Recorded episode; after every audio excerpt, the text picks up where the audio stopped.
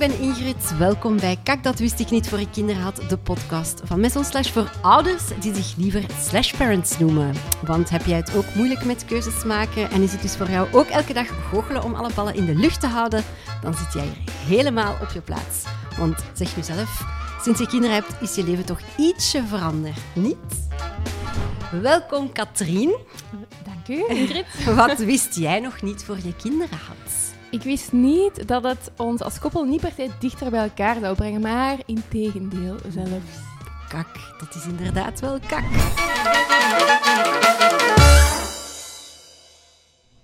Hi Katrien, tof dat je er bent. Het is de eerste aflevering van uh, Kak, dat wist ik niet voor ik kinderen had. Welkom. Dank je. Uh, ik nodig hier alleen maar slash parents uit. Jij bent ook een slash parent. Ik ben benieuwd hoe dat je je gaat voorstellen aan je verschillende slashen. Vertel. Ik ben mama van twee kinderen. Ik ben partner. Ik hou, maar echt, ontzettend hard van Hollandse muziek. Van Hollandse muziek? Ja, en van oude auto's. En van um, tackles. Tackles, de ja, hond. Dat honden, hè, noemen ze dat ook. Ja. Honden eigenlijk die niet ruiven of weinig ruiven en die je zo kunt aaien en niet aan je hand ruiken en denken, eh, dat, ja. Hele originele voorstelling. Mhm. Super! en uh, dus je bent mama van twee kinderen en je hebt dan ook een job. En wat doe je dan precies? Ja, nog een belangrijke slash. Um, psycholoog en relatietherapeut. Dus echt gericht op koppels, maar ook individuen die worstelen met hun relatie. Ah ja, dat is wel een hele interessante. Ik wist dat eigenlijk stiekem al, want ik heb je uitgenodigd. En jij schrijft ook wel artikels voor Maison Slash. En Ja. dus mensen die uh, geïnteresseerd zijn en nieuwsgierig, ga gewoon naar Maison Slash, zoeken op Katrien Kolen en dan vind je veel interessante informatie. Um, en hoe ben je daarin gerold eigenlijk? In, de... Uh, in, in specifiek, in zo'n relatie? Ja? Ja, um, nee, ik zat in de les, uh, in de master, denk ik. En daar ging het toen over relaties. Dat was de eerste les die echt zo in de diepte ging over waar relaties over gaan. En ik zat daar en die prof zei een zin of twee zinnen. En ik dacht, deze is het. Zo, en ja, dat heb ik dan vastgehouden. En na mijn opleiding psychologie ben ik dan ook systeemtherapie gaan doen. Wat dat dan dat vak was dat ik toen kreeg. En dacht van, dat is het. Um, maar jij bent en, specifiek ja. beginnen werken rond... Dus kinderen krijgen en dan die relatie. Ja. Wat dan een specifiek verhaal is, maar waar dat gigantisch veel over te vertellen is. Ja. Je hebt daar ook een Instagram-account over. Ja. Vertel. Ja, Lovers with Kids. Ik heb heel lang gezocht achter een naam. Van, hoe, hoe noemen wij dat eigenlijk? Hè? Want ouderschap is een hele duidelijke naam. Um, maar zo koppels of geliefden met kinderen, dat vind ik zo slagerachtig of zo. Nee, dat is het echt niet. Um, en dan ben ik gebotst op Lovers with Kids, omdat ik echt wel merkte, zelf nadat ik dan um, mama was geworden, ja, dat dus dat je als koppel niet direct per se dichter bij elkaar komt. Je denkt, oh, zo'n liefdesbaby, en dat gaat tussen ons zoiets schoon, romantisch geven, en je hebt zo beelden in je hoofd. Maar dat was helemaal niet. Dat is heerlijk naïef toch, hè, van ja, ons allemaal. echt wel eigenlijk, ja. Um, en ook zo'n een facet dat ik nog nooit daarvoor gehoord had. Want het gaat dan over, ja, je bent vermoeid en je slaapt weinig Hm. en je kindje heeft heel veel nodig. Ja, dat zat vooraan in mijn hoofd, zo, bij het worden van mama. Maar dan dat partnerstuk, dat was echt een ongekende wereld dat openging. En ik ging daar wel naar op zoek, van wat kan ik erover lezen? En daar bestond bijna niks over. En ik dacht, dat dat kan toch niet? Allee, en ze hebben het dan zo vaak over ofwel ouderschap ofwel relaties. Maar zo die mengelmoes van die twee, waar dat je dan in terechtkomt en denkt, wow, hè, dat, dat zet heel mijn wereld op zijn kop. Of hoe moeten we deze doen? Daar was niks voor. Of weinig. En ik dacht, ja, dat, dat is hem, hè. Die, En- die moet ik pakken. Hoe heb je dat zelf ervaren uit je eigen leven? Vertel een keer. Je krijgt kinderen. Want hoe oud zijn jouw kinderen? Vijf en zes. Oké, dus het is nog redelijk recent. Uh, ja, zes jaar geleden. Ja, we dan. Ja, ja. Goh, ik heb dat...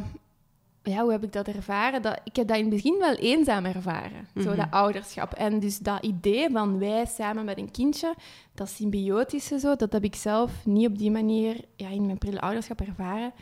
Um, en ik heb ook gevoeld ja, hoe, hoe eenzaam dat, dat soms kan zijn. Hoe dat je elkaar niet verstaat. En door die vermoeidheid en die stress en zo, dat je heel veel van, van elkaar kunt verwijderd zijn en veel meer conflicten hebt. En dan ook nog eens geen tijd hebt om dat op, op orde te krijgen. Want daar is een baby die u heel de hele tijd nodig heeft.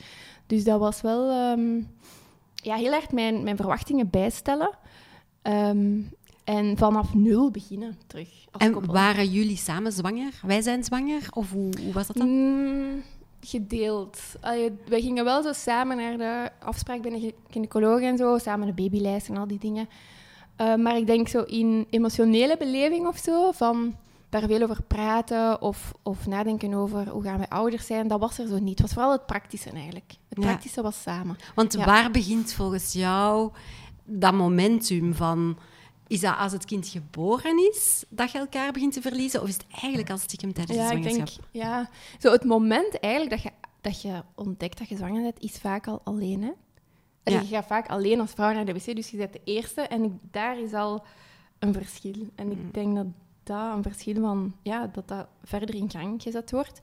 Waarbij dat je wel momenten vindt om te kruisen, maar dat dat toch een heel andere ontwikkeling is. En ook dat je zelf als mens daar gewoon een heel ander tempo in neemt. Sommige mama's die zijn direct, oh ja, mijn buik. En ik vond het bijvoorbeeld heel moeilijk om in het begin te zeggen, ik ben zwanger. Ik kreeg dat zo niet over mijn lippen. Niet omdat ik dat niet wou, niet omdat dat niet klopte voor mij, want dat was gewenst. Maar omdat dat zo heel wat tijd nodig had om te zakken of zo. Mm. Ehm, en dus die, dat proces van wij zijn zwanger of wij verwachten een kind, dat verloopt op een heel ander tempo. En daarin is dat dan ook moeilijk om elkaar ja, omdat je denkt, mijn partner is op hetzelfde moment als ik. Je bedoelt dat voor een vrouw die uh, het kind draagt, mm dat dat toch een ander gevoel is dan de partner die het meebeleeft, omdat mm die dat pas later. Ja, niet per se. Ik denk ook als vrouw dat je daar dat je daar niet per se sneller of zo in bent, maar dat je, je zit op een ander moment. Allee, je zit op een andere... Mhm. Dat is zoals wanneer je zin hebt in seks, dat is niet heel anders, maar wel heel relevant ook je gaat nooit op hetzelfde moment dezelfde zin hebben. Mhm. Dus dat is altijd kijken, waar moet ik naartoe bewegen? Hoe krijg ik mezelf warm? Uh, of hoe kan ik wat afvlakken, zodat ik dichter bij mijn partner daarin kom en dat we kunnen verbinden. En ik denk dat dat met de zwangerschap ook wat is, van je zit niet op hetzelfde moment in dezelfde excitement, in dezelfde zorgen, in dezelfde angsten, in dezelfde panieken, of van, ah, dat moeten we nog regelen. En dat geeft een groot verschil. Zo. En dat is vaak zo de eerste mhm. grote levensgebeurtenis Um, waarin dat je dus jezelf als mens tegenkomt en dat tempo op scherp staat, zodat je daarin verschillend bent. Mm Maar dus kort door de bocht, mhm. dat is kei normaal mhm. eh, dat dat een probleem is of dat dat moeilijk is ja. uh, om een relatie, om elkaar terug te vinden. Want uh, ik hoor dat bij iedereen, ik heb dat zelf ook voor gehad. Dat is moeilijk om elkaar te vinden en dat is kei normaal. Dat is boodschap één eigenlijk, toch? Ja, klopt. Ja, ja, want alles is daarin juist ook, denk ik. Er is zo geen one size fits all daarin. Je moet niet passen binnen een bepaalde ja, enthousiasme of zo moeten we daar naar kijken of dat moeten we dan doen. Uh, het is heel gevarieerd en dat, dat is oké, maar dat maakt het ook moeilijk, want er is niemand die echt helemaal weet waar dat jij ook bent. zo. Mhm. Wel mama's die daarop kunnen terugkijken, maar... En wat is jouw boodschap dan? Van één, het is normaal, dus maak je geen zorgen. Mhm. En dan twee, wat, wat, wat doen we daaraan dan? Ja, het, zit in, het is terug ontdekken. Het is niet meer een relatie die je op pauze hebt geduwd voordat die baby kwam, dat je dan zomaar even hervat daarna. Maar het is echt zoeken, hoe gaan we opnieuw beginnen samen? Misschien niet vanaf nul, maar wel vanaf ja, heel wat tredetjes lager of anders. Ehm, en wat vinden wij leuk? Want hoe dat we daarvoor samen omgingen en misschien naar festivals gingen en laat weggingen en op café samen aan de toog zaten en een pint drinken, dat gaat allemaal niet meer. Of wat even niet meer. Even niet meer, ja. En in die tussenperiode, wat toch wel soms een aantal jaren is, hoe gaat het dan wel samen het fijn hebben? En dat is dan soms van, oh shit. En dan gaan ouders soms denken, ja, deze relatie is het dan niet meer, want we vinden elkaar niet meer. Terwijl ik dan denk, ehm, je vindt het nu nog niet en het is terugzoeken. En het, ja, maar heb je de engagement naar elkaar om te kunnen zeggen, het is normaal dat we elkaar nu niet meer vinden, dat hoeft niks slecht over onze relatie te betekenen en we kunnen wel verder gaan zoeken. Mhm. Ik had onlangs een gesprek met iemand en ehm, het ging ook over lange relaties en onze verwachtingen daar rond. Mhm. En we krijgen dan kinderen en dan verwachten we die kinderen, maar we leven nu wel tot we 80, 90 zijn soms kun je verwachten dat je heel je leven gelukkig bent met dezelfde partner? Uh, is dat een, een, utopie of is dat echt mogelijk als je daar aan werkt? Of hoe ziet jij dat? Ik denk nou wel, um, maar wel met die achterhoofd dat het super ambitieus is en dat het nieuw is. Hè. Het is iets dat wij nog niet lang aan het doen zijn. We leven langer. We verwachten veel meer van onze partner, omdat we niet meer het netwerk hebben zoals dat we dat vroeger hadden. Dus er zit heel veel druk op die ene persoon. in de lengte van het lange leven liefst samen. Dus, dus dat zijn twee hele grote, eh, ja, moeilijke dingen hè, en uitdagende dingen. Maar ik denk wel dat het kan. Maar ik denk wel dat deze moderne tijd ook, en deze lange tijd dat we samen zijn, veel flexibiliteit vraagt en creativiteit. En dat dat wel ook iets nieuws is dat we nog niet op kunnen terugvallen van de generaties vroeger. Zo deden zij dat, want zij deden dat anders. En het Ja. huwelijk was iets anders. En het samen zijn was iets anders. Maar het begint met bewustzijn. Ja, Van het is oké dat het zo is Ja. en we kunnen er iets aan doen. Je gaat er gewoon energie moeten in stoppen. ja. Daar- ja. Ja, ja, ja, ja, ja, eigenlijk komt het daarop neer. Ja. ja, alleen gewoon energie. Ja. Hoe, ehm, hoe is dat bij u? Hoe dat, dat bij mij is geweest? Ik weet... ehm, ik had een moeilijke zwangerschap in de zin van altijd overgeven en lastig. Dus ja, toen was het al niet meer zo vrolijk. Eh, en eh, daarna heel moe. En ik denk dat dat ook voor mijn relatie moeilijk is geweest om elkaar daarna terug te vinden. Ja. Eh, ik denk dat dat niet gemakkelijk was, omdat inderdaad, wat je zegt, die verschillende tempo's. Ik was thuis, ik was alleen. Dat is ook al 14 jaar geleden. En er was ook geen social media, dus je werd echt alleen thuis. Eh, Man veel gaan werken, toch wel wat eenzaamheid. En Ja. ja, je zit echt op die twee verschillende... eh, ja, bijna, ja. En Ja. Ik, de- ik weet dat ik toen heel blij was om terug te gaan werken. Om terug mezelf te vinden en terug Ingrid te zijn. En vanaf dan ging dat wel weer beter. Ah, ja, oké. Eh, maar zo dat mama-dingetje, dat is, dat is minder. Nee, ik weet dat er soms geboren moeders zijn. Ik wist voor mezelf van, ik ben graag moeder, maar niet alleen ja. dat. Ja. Er is zoveel meer. En, eh, ja. en jij? Hoe zat dat bij jou? Toen ik terug ging werken? Of, Of het hele zwangerschap en dan bevallen en het Ehm, koppelverhaal? Ja, dat, dat eenzaam stuk herken ik er ook zo wel in. Hè, want dat, je partner gaat dan werken en ergens is dat fijn om dan in die cocon te zitten, maar je partner heeft dan heel andere dingen in zijn hoofd. Die prestatiedruk op het werk en Mhm. die willen het heel goed doen op zijn werk, maar die willen het dan ook goed doen als ze thuiskomen. En dan duwt je die baby daar en dan heeft hij eigenlijk al met een hele dag andere dingen bezig geweest. En dat, dat herken ik ook wel, dat er echt zo avonden waren. Onze dochter had dan ja, een stevig weenuur s'avonds. Mhm. Dat ik echt zo me herinner dat ik sms'en stuurde en van, allee, waar zei jij? Zo, waar, waar zit je? Ja. Zo van, ik heb u nu wel keihard nodig. En ik denk dat dat ook heel moeilijk is, dat je elkaar voor het eerst keihard nodig hebt. Op een heel andere manier dan daarvoor. Dat is waar. Ik herinner mij een dag dat ik eh, mijn vriend heb ge-sms'd en ik heb gezegd... Als je nu niet komt, dan smijt ik de baby uit het raam. Beetje druk. En dat kwam echt vanuit het hart, want meestal neemt hij de telefoon niet op. Allee, die is altijd druk bezet. En toen is hij wel gekomen. Ik denk dat hij echt wist van, ze zit op haar limiet. Ja. En Ja. ik was toen op ook gewoon. Ja, ik denk dat dat zo het moeilijke is, dat we soms heel straffe boodschappen moeten geven, vooral leren dat het duidelijk wordt, het is echt wel serieus nu. Hè? Zo. En daar herken ik ook wel. Dat, we hadden dat is eh, met Guus die heel moeilijk naar school ging, dat is dan een fase later. En ik deed elke ochtend. Mm. En die wou absoluut niet. En ik stond echt soms een uur voor de schoolpoort. Ik ging dan gewoon op de grond zitten met, met Guus naast mij en wachten totdat hij zelf naar school wou gaan. Dus dat vond ik heel belangrijk, dat hij zelf besloot te gaan. Dat ik die niet duwde. En ehm, op, ja, na drie maanden, denk ik, was dat echt genoeg voor mij. En ik kon dat niet meer alleen trekken, die ochtend. En dat was zo... Ik keek al de dag ervoor tegenop om op te staan, daarvoor. Ja. Eh, en toen heb ik ook een sms gestuurd naar mijn vriend van... Dit stopt. Allee, ik ben kapot. Zo, ik kan het niet meer. Ehm, en hij is leerkracht, dus hij kan niet zomaar zeggen... Ah, ik begin een uur later, want ja, die leerlingen zijn wel aan het wachten. En hij is die dag naar de directie gestapt en hij, ehm, en heeft dan gezegd van ja, ik moet thuis zijn, s ochtends. Dus er moet iets veranderen, ik moet iets kunnen schuiven, tijdelijk. Ehm, en dan kwam hij thuis en ik weet dan nog heel goed dat hij zei, ja, ik, de volgende twee weken ben ik er 's ochtends voor u. En ik dacht, oh my god, eindelijk. Maar ik ben wel naar mijn gevoel heel erg naar mijn limiet, allez, tot Ja. mijn limiet moeten gaan. Ehm, heel lang van mezelf verdragen dat dat eigenlijk moeilijk was. En voor hem was dat ook heel moeilijk op zijn manier om naar zijn directie te gaan. Om als man, hij is toen ook heel emotioneel geworden bij zijn directie. Wat, hij is absoluut geen, ja, geen man die gemakkelijk verdriet toont. Ehm, om dan te- tegen zijn directie te zeggen, ja, ik, ik moet thuis zijn en dit gaat niet meer zo. En dat is voor mij zo waar het ook om gaat. Zodat je elkaar daarin kunt horen. ehm, dat je ook kwetsbaar in, daarin mocht zijn van ik ben echt kapot en het gaat nu niet meer. En dat je partner dan in die end er ook is om te zeggen ik ben thuis en ik ben er. Ja, dat is zeker een moedige beslissing van hem. Maar in mijn hoofd is het, oké, je hebt dat jonge baby-kind verhaal en dan is het gevoel van, oké, we zijn erdoor. Mm Maar dan... Hè? puntje, puntje, puntje. Baf! Alleen je denkt, dat, daar moeten we doorheen en dan ça va, maar dat is niet, hè? Nee. Nee, het, is, het zijn moeilijkheden op zoveel verschillende lagen en manieren. En het is inderdaad zo, de ene fase is voorbij. De fase van vermoeidheid en veel opstaan. En ga jij niet opstaan of ik?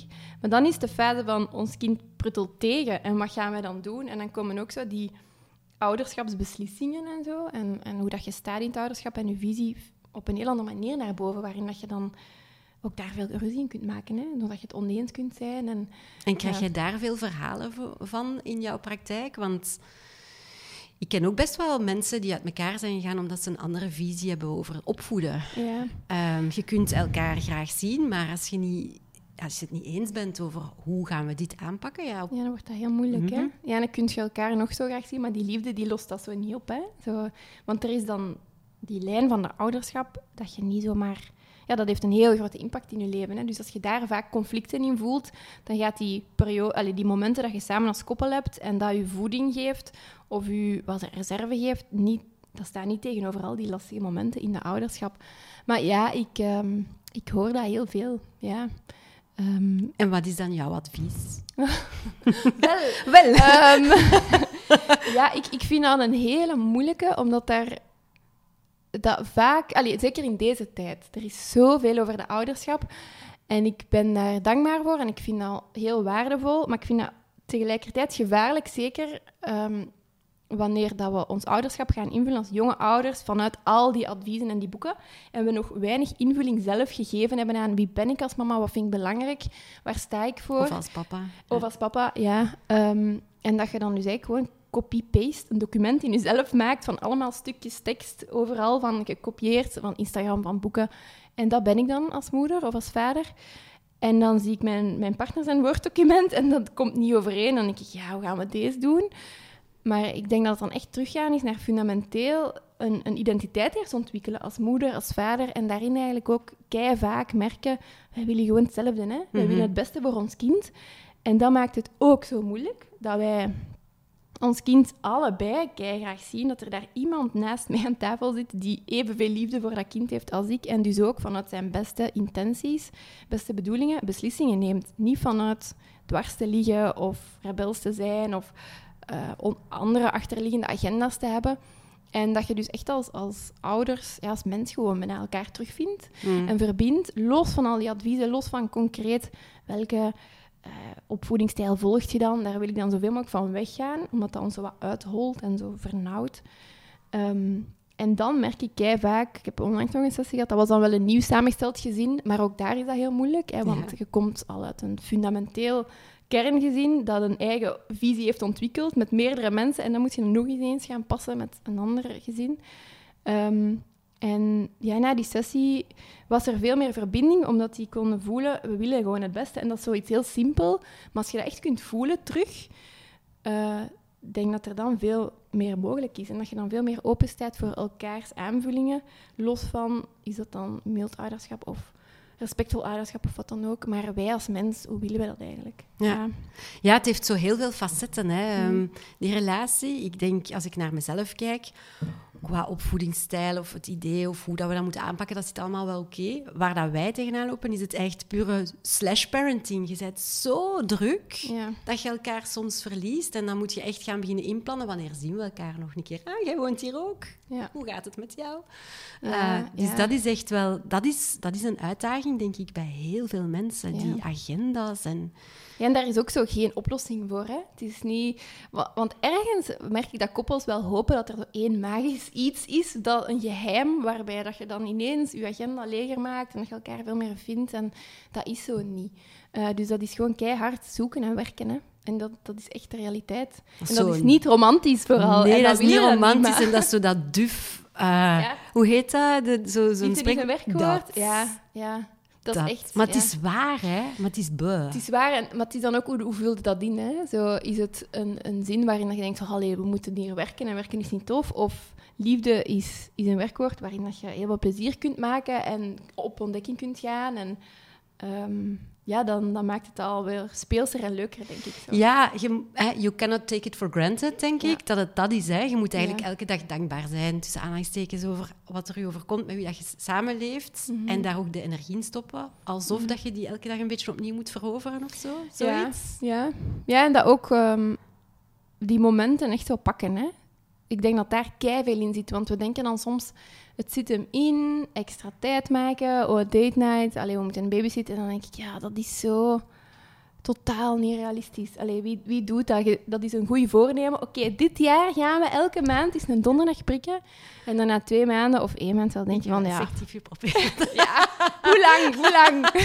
het is niet Nee. vaak gelukt. Voilà, dat, dat, het leven haalt u in, hè. Ja. Dus, allee, dat, ehm, maar het zit hem, vind ik, veel meer in zo'n dagelijkse intimiteit, zonder dat dat moet betekenen diepgaande gesprekken de hele tijd, want ja, dat is ook niet voor iedereen weggelegd en dat is ook prima. Maar zo bijvoorbeeld mijn partner die dan de, het afwasmachine, als dat bij ons opengeklapt staat, kunnen ze niet meer tussen het eiland en de kast. Hè. Dan moet je zo wringen. Ideaal moment. Ik passeer daar en hij staat terug recht, want hij heeft de machine toegedaan. Ik denk eerst al, amai, je zet de afwasmachine aan het uitladen. Zalig, eerst al dat. En dan ehm staat hij daar recht en ik blijf gewoon zo staan en ik pak hem vast. En die denkt zo, wat doe jij nu? En ik pak hem veel te lang vast. Zoiets dat je denkt van, Ja. nee, raar, vreemd. En dat zijn zo, denk ik, dan momenten die, die zijn er. Je passeert daar, je moet niks speciaals doen, je moet geen tijd uitgaan rekken of zo. Je zit daar en je doet iets raars, iets ongewoons en dat geeft trekt een andere dynamiek zo, en een Mhm. speelsheid. En dat is, vind ik, wat dat er nodig is. Dat doet mij denken aan een artikel eh dat op mijn slash stond ook van jou. Over, je doet een knuffel en kak, het wordt direct iets meer. Ah ja, ja, ja. ja. En ik weet van heel veel vriendinnen dat dat een rep is. Van, Mhm. ah, als ik een knuffel geef, dan moeten we echt alles doen. Ik heb daar geen zin in, ik ben moe. Ja, want we doen het al te weinig. En ik sta al in, in rood op mijn rekening van seksuele intimiteit dan. Dus Ja. ga ik geen fysiek contact maken, want dan denkt mijn partner dat er meer... Is dat iets dat je vaker hoort? Ja, echt ongelooflijk. Ja, ehm, ja, en dat is zo precies dat, dat er zo'n vlaag is. Zo van, van koppels die datzelfde aan de hand hebben. En dat ligt zo ook nog niet direct meteen op tafel. Als ik dan sessies doe, zo de derde, vierde sessie is zo... Ah ja, misschien moeten we het ook zo wel eens daarover hebben.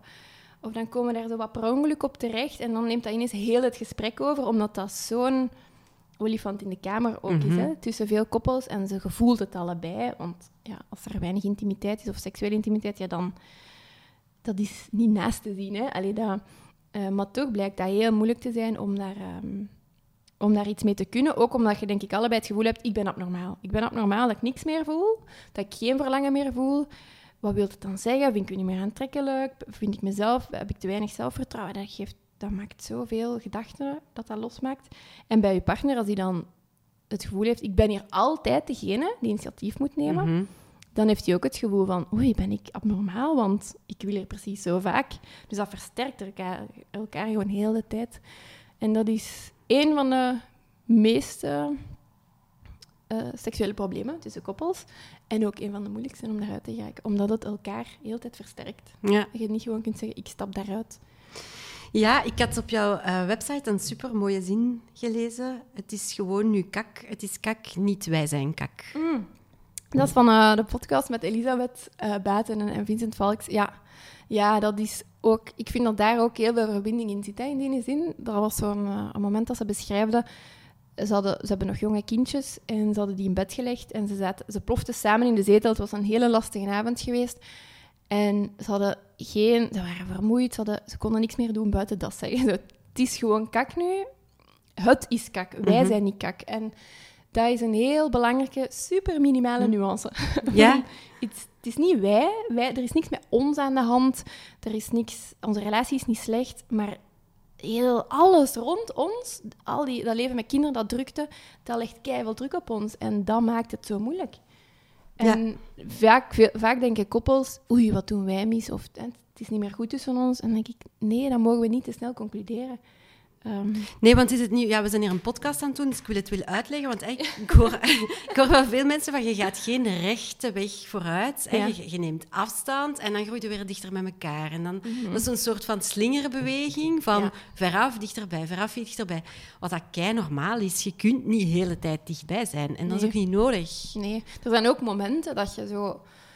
Dat je partner beneden een tv aan het zien is en dat jij boven voor je computer aan het werken bent. En dan zou je angstig kunnen worden of je zorgen maken van oei, ik ben hier nu misschien al drie avonden aan het werken achter mijn computer en we zien elkaar niet veel en oh jee, hè, wat is hij daar beneden aan het doen? Is hij misschien naar iemand anders aan het sturen of gaat hij nu verliefd worden op iemand anders?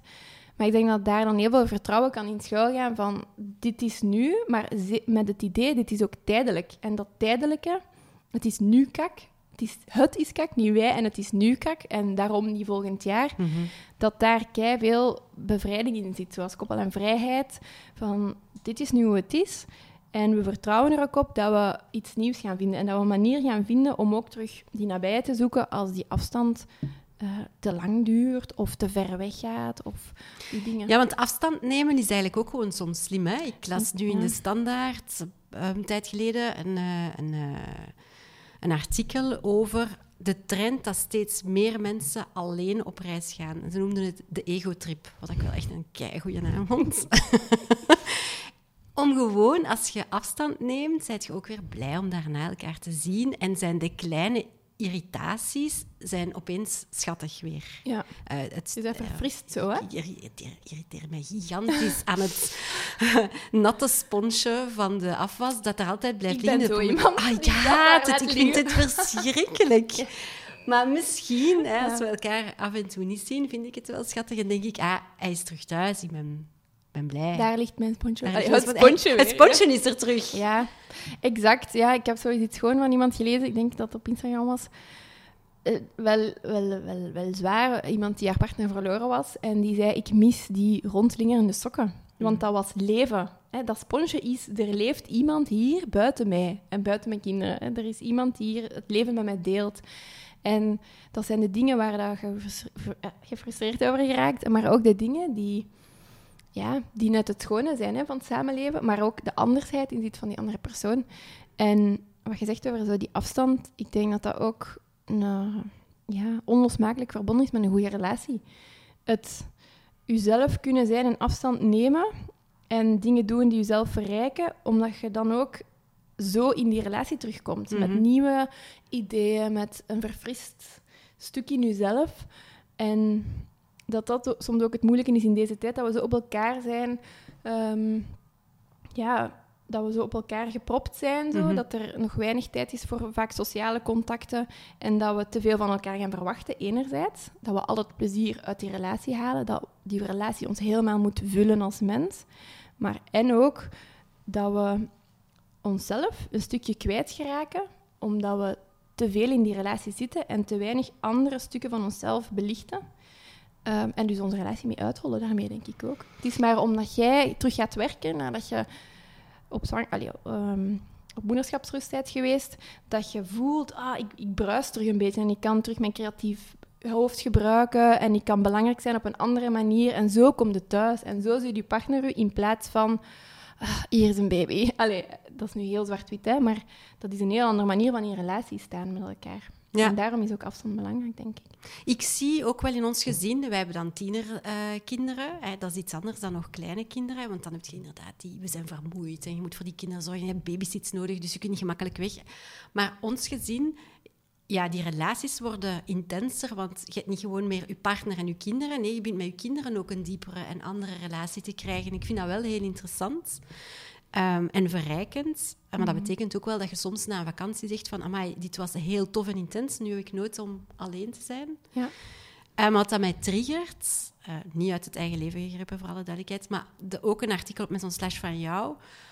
Mensen vragen zich dan af, ehm, wanneer is het echt op? Ja. Hoe lang vecht ik er nog voor?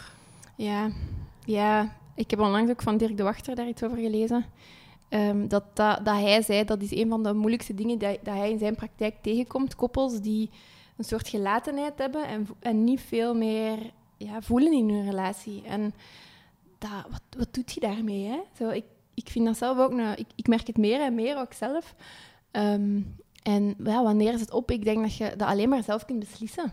En ik denk dat het nooit uit zichzelf 100% op is. Zo een, een, een staat van zijn van een relatie. Oké, nu is het dan op en dit is dan het Mhm. moment dat we het niet meer kunnen vullen. Dus dan moeten we naar iemand anders gaan op zoek gaan. Ik denk wel dat we zelf beslissen. Ik heb geen energie meer om het te gaan vullen. Ik heb geen nieuwsgierigheid meer. Ik zie het niet meer in deze relatie. Dus dat het echt een zelfbewuste eigen keuze is. Van, het is op en ik... Ja, en ik ga het niet meer vullen. En zou jij daar als relatietherapeut ooit toe aanzetten? Zou jij zeggen van, kijk jongens, denk eens goed na. Zou je dat doen? Ah, ik ben... Nee. Nee. Ik ben zo wel iemand die heel veel de hoop vasthoudt. Ja. Ehm, omdat ik ook merk... Ik, ik zie ook relaties waarin die op zo'n punt zijn... Die echt uitspreken, ja, we, moeten scheiden en, en we moeten hier een einde aan maken, want we maken elkaar ook gewoon helemaal niet meer gelukkig. Het is miserabel bijna, hè? ook soms het samen zijn. Dat is iets anders dan een leegte en een gelatenheid, waar dat gewoon niet veel van emotie meer is en verbondenheid. Maar het is ook het, het andere stuk van we maken keihard ruzie en Hm. het is, ik wil niet meer naar huis komen of ik kijk er niet meer naar uit om thuis te komen bij u. Ehm, en ik zie ook dat er dat met heel veel werk wel, hè, met heel veel engagement, met heel veel moeilijke, pijnlijke gesprekken, dat dat ook wel weer terug omhoog kan gaan. Ehm, dus ik, ik hou ergens vast dat elke relatie dat wel kan, maar dat dat daarom niet moet betekenen dat elke relatie dat moet. Omdat Mhm. je als persoon dan mag beslissen, ik kan dat niet meer geven. Ehm, en Mhm. ik wil iets nieuws gaan zoeken in mijn leven. En dus ik heb daar geen ehm, weerstand. Allee, of ik, het is niet dat ik dat niet oké vind of zo. Maar ik ben dan wel degene die gaat meezoeken. Hoe kunnen we wel nog ergens... En voel je periodes waar dat mensen eh, meer uit elkaar gaan of niet? Zo na de vakantieperiode of na kerstmis? Of, of maakt dat eigenlijk niet zoveel uit? Nee. Nee, ik... er zijn niet zo heel veel mensen die beslissen, we gaan uit elkaar. Hoezo? Ja, nee, die, die ik... Er Ja. zijn heel veel scheidingen. Ja, dat, ja, maar het is, ik- ook in mijn omge- omgeving is dat niet iets wat dat er zo leeft. Ja, ik vind wel zo post-covid dat er veel relaties stuk zijn aan het gaan. Ja, ik hoor dat dan wel van koppels in de praktijk bijvoorbeeld, Ja. maar in mijn eigen omgeving zo niet. En ook mm, koppels die dan bij mij komen, ehm, vaak is dat dan wanneer dat ze stoppen. En dan zoveel maanden later gaan ze uit elkaar. Dus ik beleef dat ook vaak niet bewust mee met Mm. dat koppel. Ehm, En nu, Ja. persoonlijke... nee, Ook nee, niet? echt nee. Nee, ik kan zo eigenlijk niemand noemen. Dus ik ben daarvan gespaard, gelukkig. Maar ja, goed, omgeving, maar het zo. ja. Ehm, Ja. Maar we zijn nu hè, back to school. Het is eh, begin september. Ehm, het is druk. Hoe gaat jij dat aanpakken dan? Om te zeggen van, oké... eh, de- vorige week zei mijn man ook nog van, buckle up, we zijn weer vertrokken. en we denken, ja, ja, hoe gaan we dat doen? Want het hele slash-parent verhaal van Maison Slash is ook gewoon van... Ja, ik ben moeder, ik moet mijn kinderen bezighouden. Straks eh, schoolwerk, eh, taxi, eh, opvolgen, gezondheden, allez, tandartsen, orthodontisten.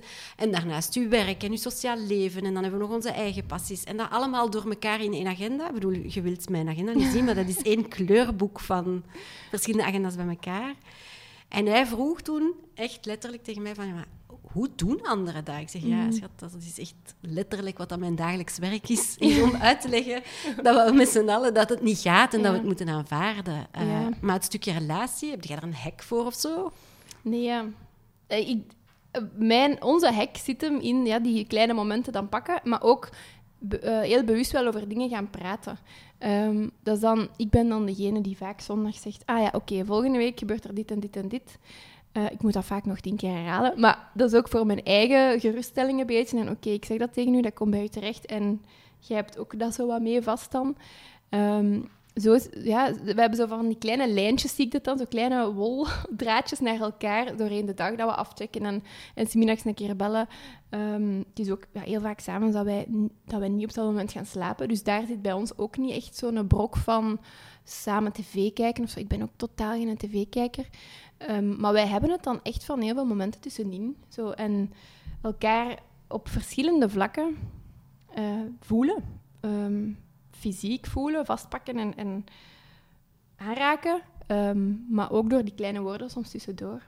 En is dat voor jou ehm, moeilijk? Hè? Want het cliché is dat de tuin van een tuinman echt er super rommelig bij ligt. Uh... Wat wil je bedoelen?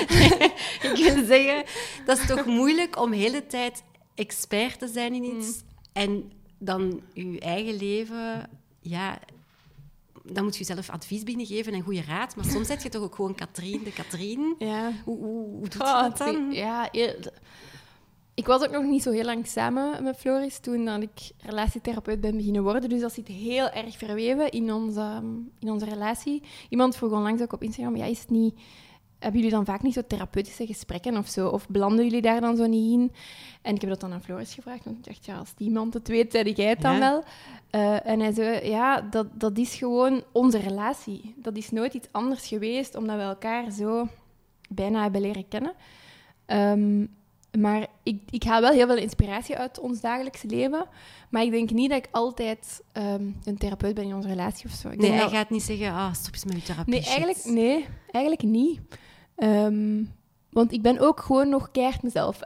en daarmee bedoel ik, ik, maak, ja, ik leg ook het sponsje daar in de wasbak. Ook al zegt hij elke keer, hoe vaak heb ik u dat al gezegd? Doe dat weg voordat je een ander pakt. Er liggen er nu drie in de wasbak. Dan denk ik, ja, dat is gewoon... Kei irritant, hè? Ja, ja. ja. nu gaat uw stem ook in mijn hoofd zitten. Volgende keer als hij dat zegt, oei nee, Ingrid, oké. Ehm, maar ja, dus die dingen doe ik ook wel gewoon nog allemaal. Ik uh, ben ook een mega chaos, dus er zijn echt keihard dingen die gewoon supermenselijk zijn, nog altijd. Ehm, maar ik denk ja, wel dat verbinden en, en, die manier van spreken die we gevonden hebben, zonder... Wij praten weinig echt over diepgaande gevoelens of zo. Mhm. Toch hij niet. Um, zit er wel een laag van... Ik weet niet hoe ik dat moet noemen, ja, verbinding die die door mijn therapeutenhoofd wel alert blijft of zo. Dat misschien wel. Ja. Maar ook hetzelfde als ik dan sessies heb met koppels ehm, die heel moeilijk gaan, of waar dat dan overspel bijvoorbeeld is. Ja, dat komt ook heel dichtbij, want je zet ook een koppel. En dat kan ook gebeuren. En je ziet bijna dagelijks hoe dat, dat bij andere koppels is en hoe dat kwetsend dat, dat is. Dus dan kruip ik soms ook wel in, zo, oh nee, of oei. Mhm. Ehm, wat dat dan wel een, een laag heeft in mijn relatie. Maar dan, heel vaak na een sessie, kom ik in de living en dan vertel ik tien minuten daarover en hij luistert gewoon en dan is dat ook weer van mij af. Zo. Dus ja, het is, het is verwoven, maar ergens... Ja, het is een duidelijke niche dat je hebt genomen in de relatietherapie, en namelijk Lovers with Kids. Wat ik, uh, ja, ik snap het, de, de vraag zal er zeker zijn. Wat zijn je plannen daar nog rond? Um, wat is de droom of wat wil je daarmee doen? Oh, wel, ik, ik hoop echt dat het zoiets kan. Um, ja, dat er minder mensen elkaar echt kwijtgeraken als koppel. Dat is echt mijn droom. De concrete uitwerkingen daarvan. Ik denk dat ik, ik ben zo wel op een, eerst een pad terechtgekomen van wat online dingen leren. Echt het lerende zoals koppel. Maar ik merk nu dat koppels veel meer op zoek zijn naar plezier naar lucht. Mhm. Zeker in die fase van de half twaalf fase, dan moet je eigenlijk niet, nog niet dingen gaan leren. Wat is de half twaalf fase? Zo, het is nog niet... Het is moeilijk. Uh, we maken soms ruzie. We snappen het soms niet. We voelen ons soms alleen. Maar het is niet dat we twijfelen aan... Zijn we wel goed samen en willen we het elkaar? Dat is zo vijf na twaalf. Dat is de reden om echt vaak in therapie te gaan. Van, okay. wow, niet vijf voor twaalf, maar vijf na twaalf. Ja, beide soms. Vijf na twaalf is oei. wat gaan we hier nog kunnen doen? Uh, vijf voor twaalf geeft wat meer ruimte, maar ook wel veel druk. Maar dus die half twaalf en um, ja, dus lucht en, en leukigheid eigenlijk. En hoe wil je dat dan aanpakken? Ik heb al twee keer een quiz gedaan. Uh, ik vond een keitof. Ik doe zelf heel graag quizzen. Like een café-quiz met mensen live online. daar? Ah, online. Ja, dat was toen mijn nieuwjaar. En wij hadden, dat was in corona. En we dachten, ja, we hebben niet echt iets gepland, want het is corona. Er zijn nog koppels die niks gepland hebben, maar die wel iets leuk willen maken van hun avond we maken gewoon, Floris en ik, samen een quiz. Dan hebben we samen een toffe nieuwjaar, samen met andere koppels. En dat was eigenlijk heel leuk. Ehm, en er zijn mensen die nu nog blijven vragen, wanneer doen we nog eens een quiz? En dan met Valentijn heb ik dat ook gedaan. En wanneer doet je nog eens een quiz? Ja, ja dat ben ik ook uiteindelijk. maar dat zijn zo van die dingen hè, die leuk zijn, die heel laagdrempelig zijn en die zo instant iets anders bieden dan Netflix bijvoorbeeld. Ja, maar is dat inderdaad niet wat we allemaal een beetje nodig hebben? Ja. Wat fun en wat... Allee, het moet allemaal niet zo zwaarmoedig zijn. En... en... het moet dan ook niet anders zijn van een date, want dan komt er veel... Wie gaat het dan kiezen en wat gaat het doen en wie gaat er van babysit? Dus zoiets tussen Netflix en een date night. Ja, er stond onlangs nog op, eh, want we hebben een uh, Facebookgroep, het Clubje van de Slash Parents, en daar worden vaak vragen gesteld. Zo kwam de vraag onlangs over, ja, we willen aan onze relatie werken en uh, op date gaan, maar mijn man wil gaan eten en ik wil graag gaan sporten. Wat nu? Ik denk, ja. ah ja, het begint al bij de keuze van activiteit, dat je al niet overeenkomt. Ja, zeker als je zo weinig tijd hebt. Hè. En dan heb je een keer een gaatje en ja, wat, wat ga je dan nu doen? Nu moet het keigoed zijn. En nu moet het leuk zijn. Zo. Nu moet het echt uh, de moeite waard zijn. En ga ik dan iets alleen doen? Ga ik dan iets met vriendinnen doen? Gaan we dan iets samen doen? Ja, ja het is... Druk. We moeten uh, lower the bar. Ja, ja. Niet? dat vind ik ook wel. Ja. En er zijn kansen genoeg. Hè. Het is niet de enige kans om samen iets te doen.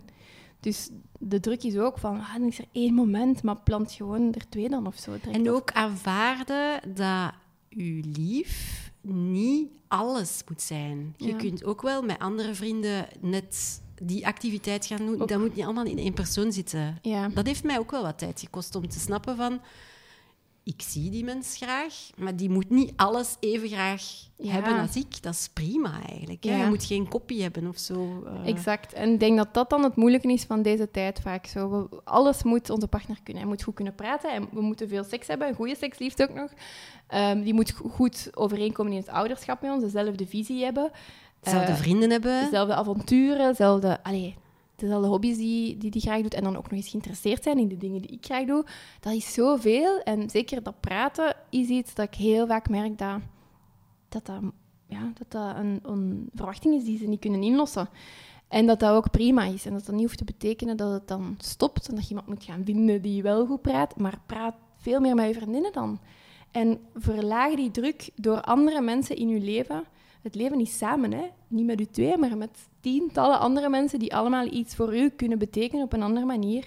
En bij uw partner praat je misschien over peren, zijnde over tv-shows of zo, weet ik veel. En bij vriendinnen praat je over ouderschap. En bij die soort vriendinnen praat je dan over bepaalde hobby's die je graag doet. Of allee, dat je dat echt gewoon gaat verdelen allemaal. En met die vriendin ga ik squashen, maar niet met mijn partner. En soms gaat die misschien eens mee, maar ik kan er niet van verwachten dat hij dat altijd doet. Dan moet je verschillende slashjes bij verschillende mensen vinden. echt? Voilà. Ja. ja.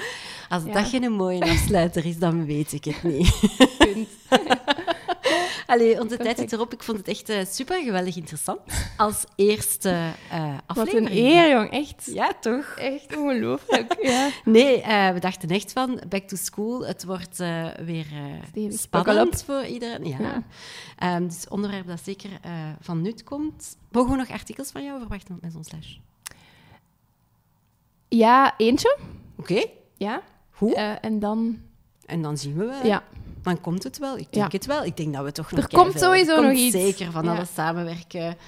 Uh, en waar kunnen de mensen jou in, in uh, volgen en interesseren? Uh, en Mirten heeft mij er net... die is aan het zwaaien langs de andere kant, dus ik ben even afgeleid. waar kunnen mensen jou volgen en info vinden van jou, Katrien? Mijn website, Instagram, Katrien Kolen. Ja? Uh, en Lovers with Kids. Oké, okay, ja. super. Ik heb hier nog een uh, afscheidscadeautje van jou, maar dat staat hier voor... Oh. een wc-borstel. Oh, maar die is vuil en al. Die heeft... Ah nee, is kakspetters. Beste ooit. Gouden kakspetters. En dat is het aandenken aan uh, dit superleuke gesprek. Nog iets dat ik dacht dat ik nooit ging doen na kinderen, is mijn partner foto's sturen. Heel fier van mijn kinderen die op tv zitten. Of bepaalde... Misschien wel heel herkenbaar. Inderdaad. Ja. Vreemde Trotse foto's. ouders. Merci. En uh, ja, binnen twee weken droppen wij een uh, nieuwe podcast. Tot dan. Bye.